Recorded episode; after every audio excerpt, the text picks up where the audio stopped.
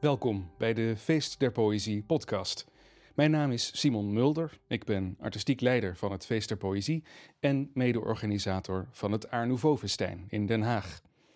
Ter gelegenheid daarvan en het 150ste geboortejaar van PC Boutens breng ik in samenwerking met uitgeverij Het Moed een nieuwe bloemlezing uit uit het dichtwerk van deze Zeeuwse en Haagse dichter, getiteld Glanzende Geheimenis.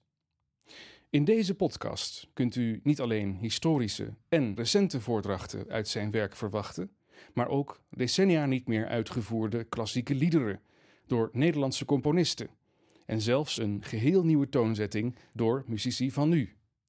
In deze eerste aflevering staan we stil bij het eerste werk van PC Boutens en bij wat ik noem de glans van PC Boutens, zijn prachtige taalgebruik en zijn meesterschap in de beeldspraak maar ook bij de glans van het hogere, waartoe zijn dichtwerk ons telkens weer optrekt.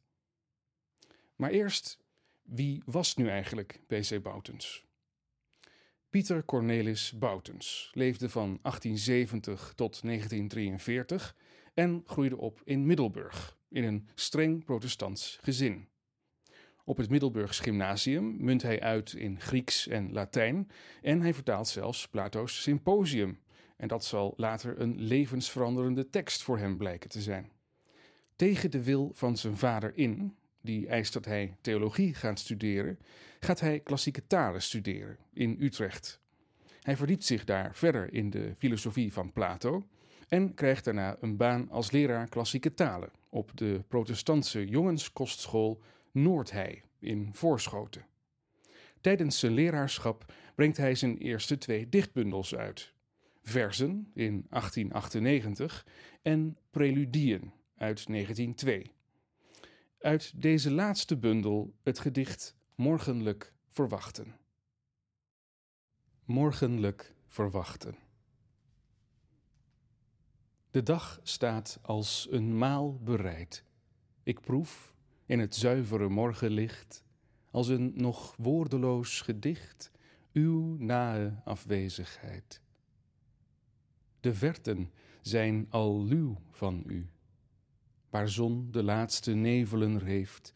Gij zijt al in het windbegin dat door de tere toppen beeft.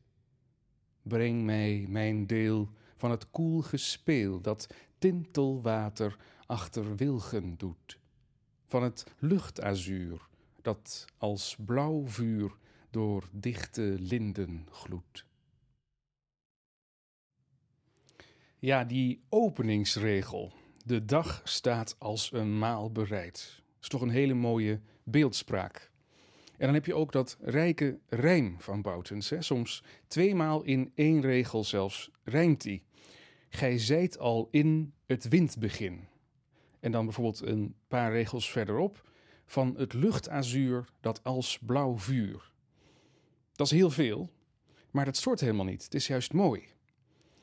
En heel charmant vind ik ook die mysterieuze afwezige, op wie dit verwachten in Boutens gedicht gericht is, die gij. En die wordt aangekondigd door de gehele natuur in dit gedicht. Door de wind en door de zon, etc. Laten we nu dit gedicht eens luisteren in toonzetting. Een lied van de Haagse componist Barend Roest Crollius, 20e eeuwse componist, gebracht door sopraan Marleen van Os met pianobegeleiding door Daan van de Velde.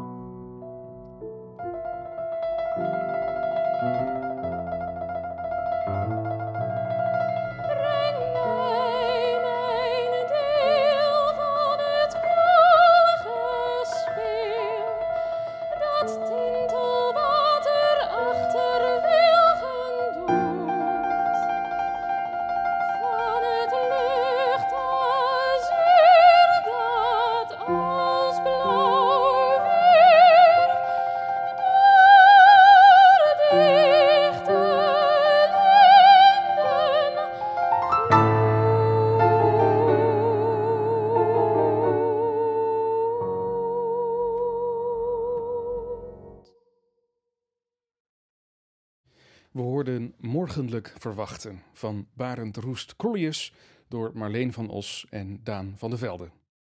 Boutens, zoals we zojuist gehoord hebben, gaf enkele jaren les op de jongenskostschool Noordhei in Voorschoten.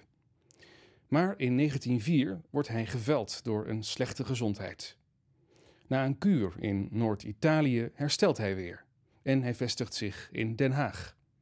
Daar kan hij met het geven van privélessen en door hulp van vrienden en bewonderaars zich meer richten op de literatuur. Hij heeft namelijk het geluk dat enkele adellijke voormalige leerlingen van hem hem financieel willen ondersteunen.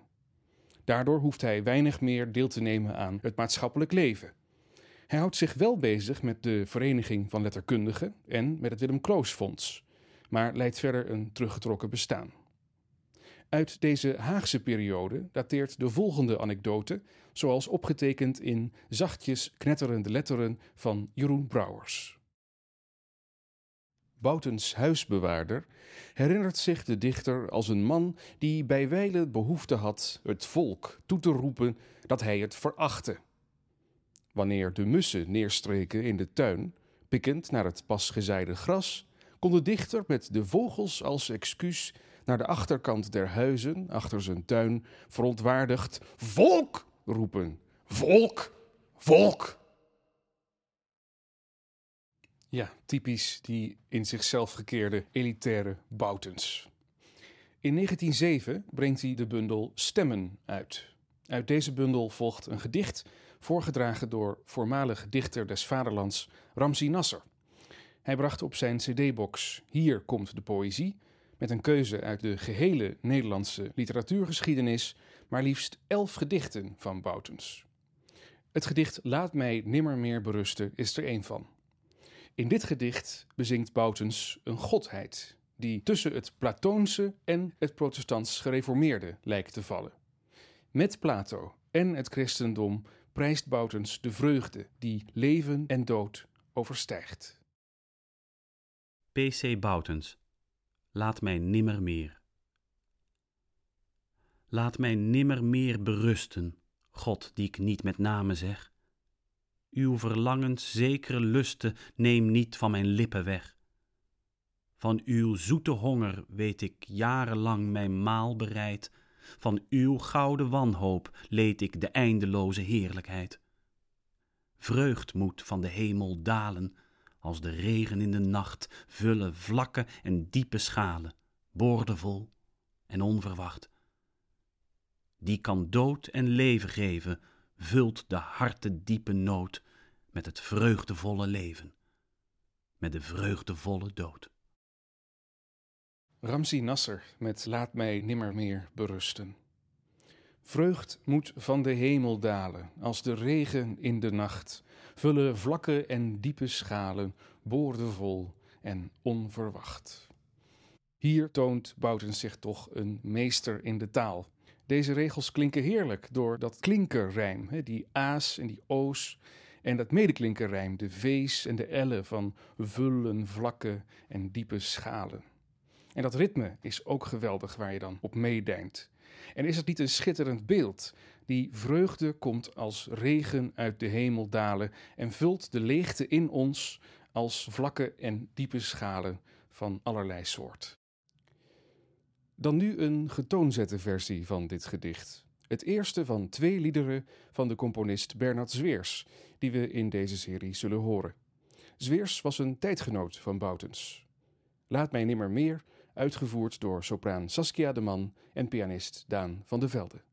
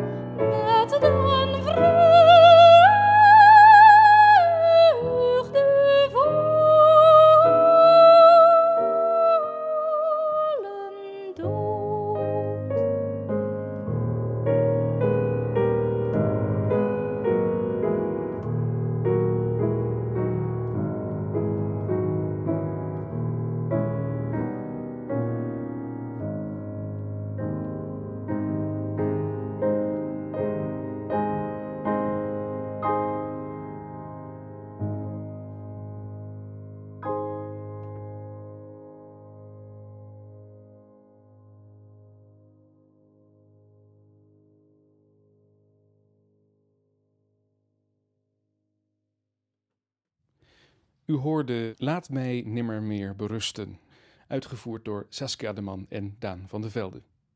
Op naar het volgende gedicht.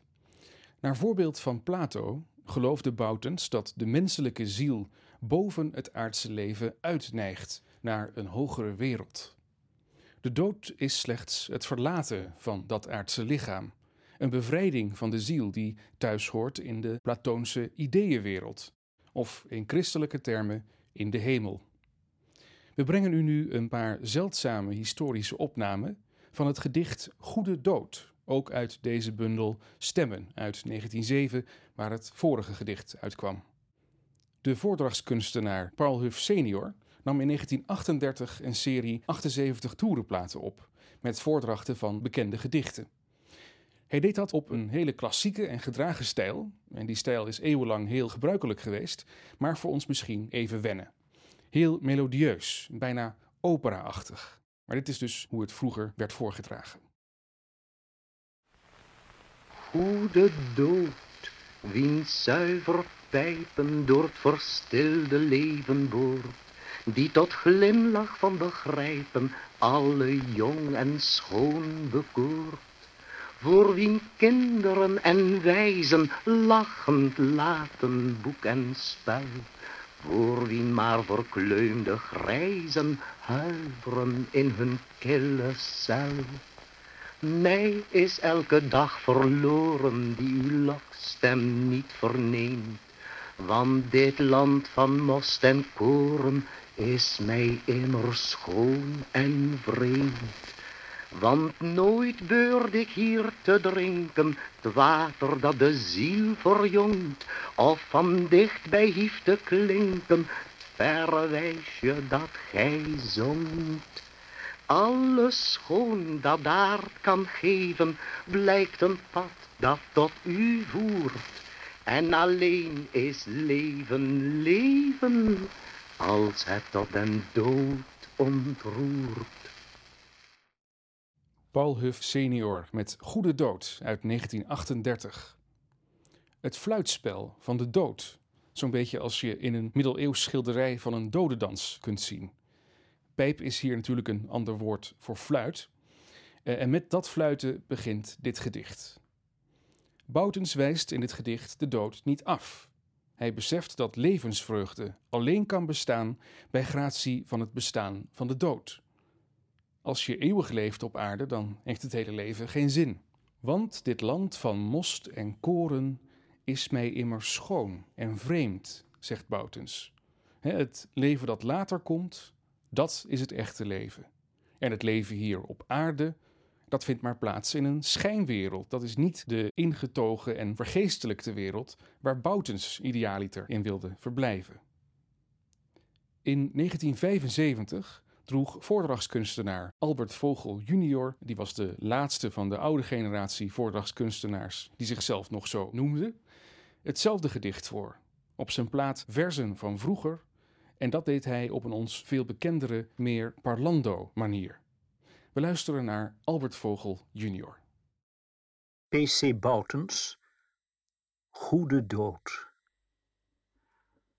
Goede dood, wiens zuiver pijpen door het verstilde leven boort, die tot glimlach van begrijpen alle jong en schoon bekoort, voor wien kinderen en wijzen lachend laten boek en spel, voor wien maar verkleumde grijzen huiveren in hun kille cel. Mij is elke dag verloren, die uw lokstem niet verneemt, want dit land van most en koren is mij immer schoon en vreemd. Want nooit beurde ik hier te drinken het water dat de ziel verjongt, of van dichtbij hief te klinken het verre wijsje dat gij zongt. Alles schoon dat de aard kan geven, blijkt een pad dat tot u voert.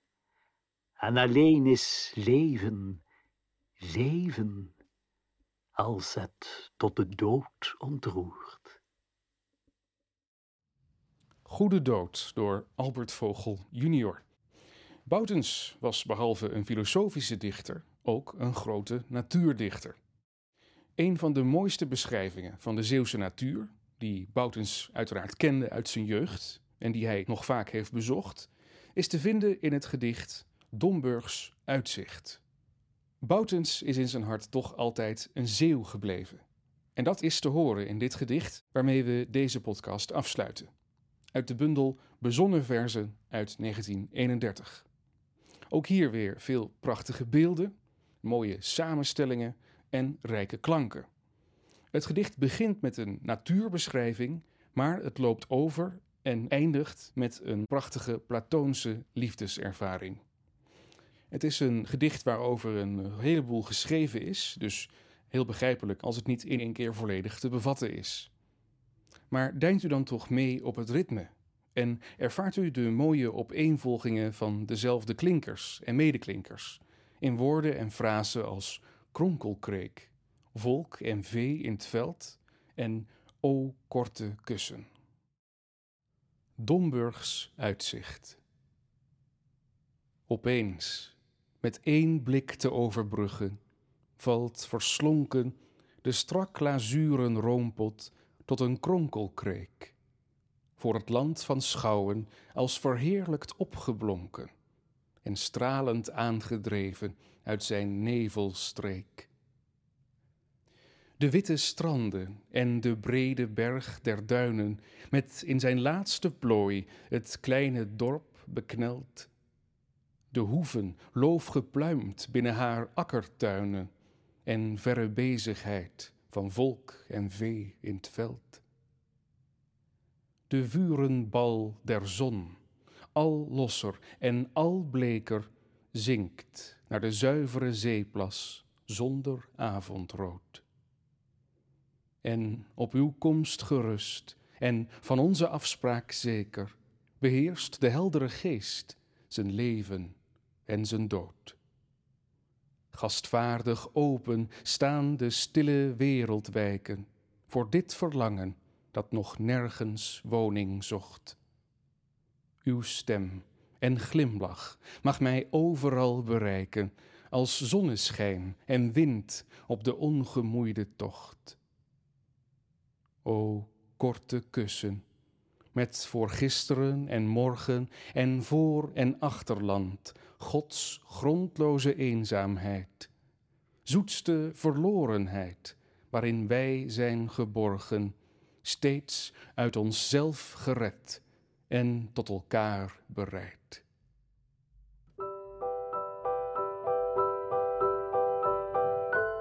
Dit was de eerste van drie afleveringen over PC Boutens van de Feest der Poëzie podcast, gepresenteerd tijdens het Art Nouveau Festijn 2020. Vond u het mooi? Dan kunt u ons steunen door het kopen van onze uitgaven of met een financiële bijdrage. Meer informatie op onze website feestderpoëzie.nl. Glanzende Geheimenis, de nieuwe bloemlezing uit het werk van PC Boutens, met voorwoord door Boutens biograaf Marco Goud, een handgedrukt omslag door Josias Bonen en ontwerp door Steven Teunis, is verkrijgbaar via feestderpoëzie.nl, maar ook via uitgeverij Het Moed of via uw lokale boekhandel.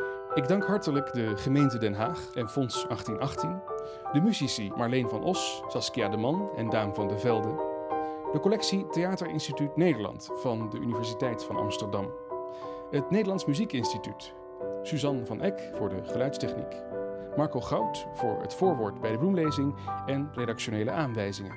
Veel dank aan u ook voor het luisteren en tot de volgende aflevering.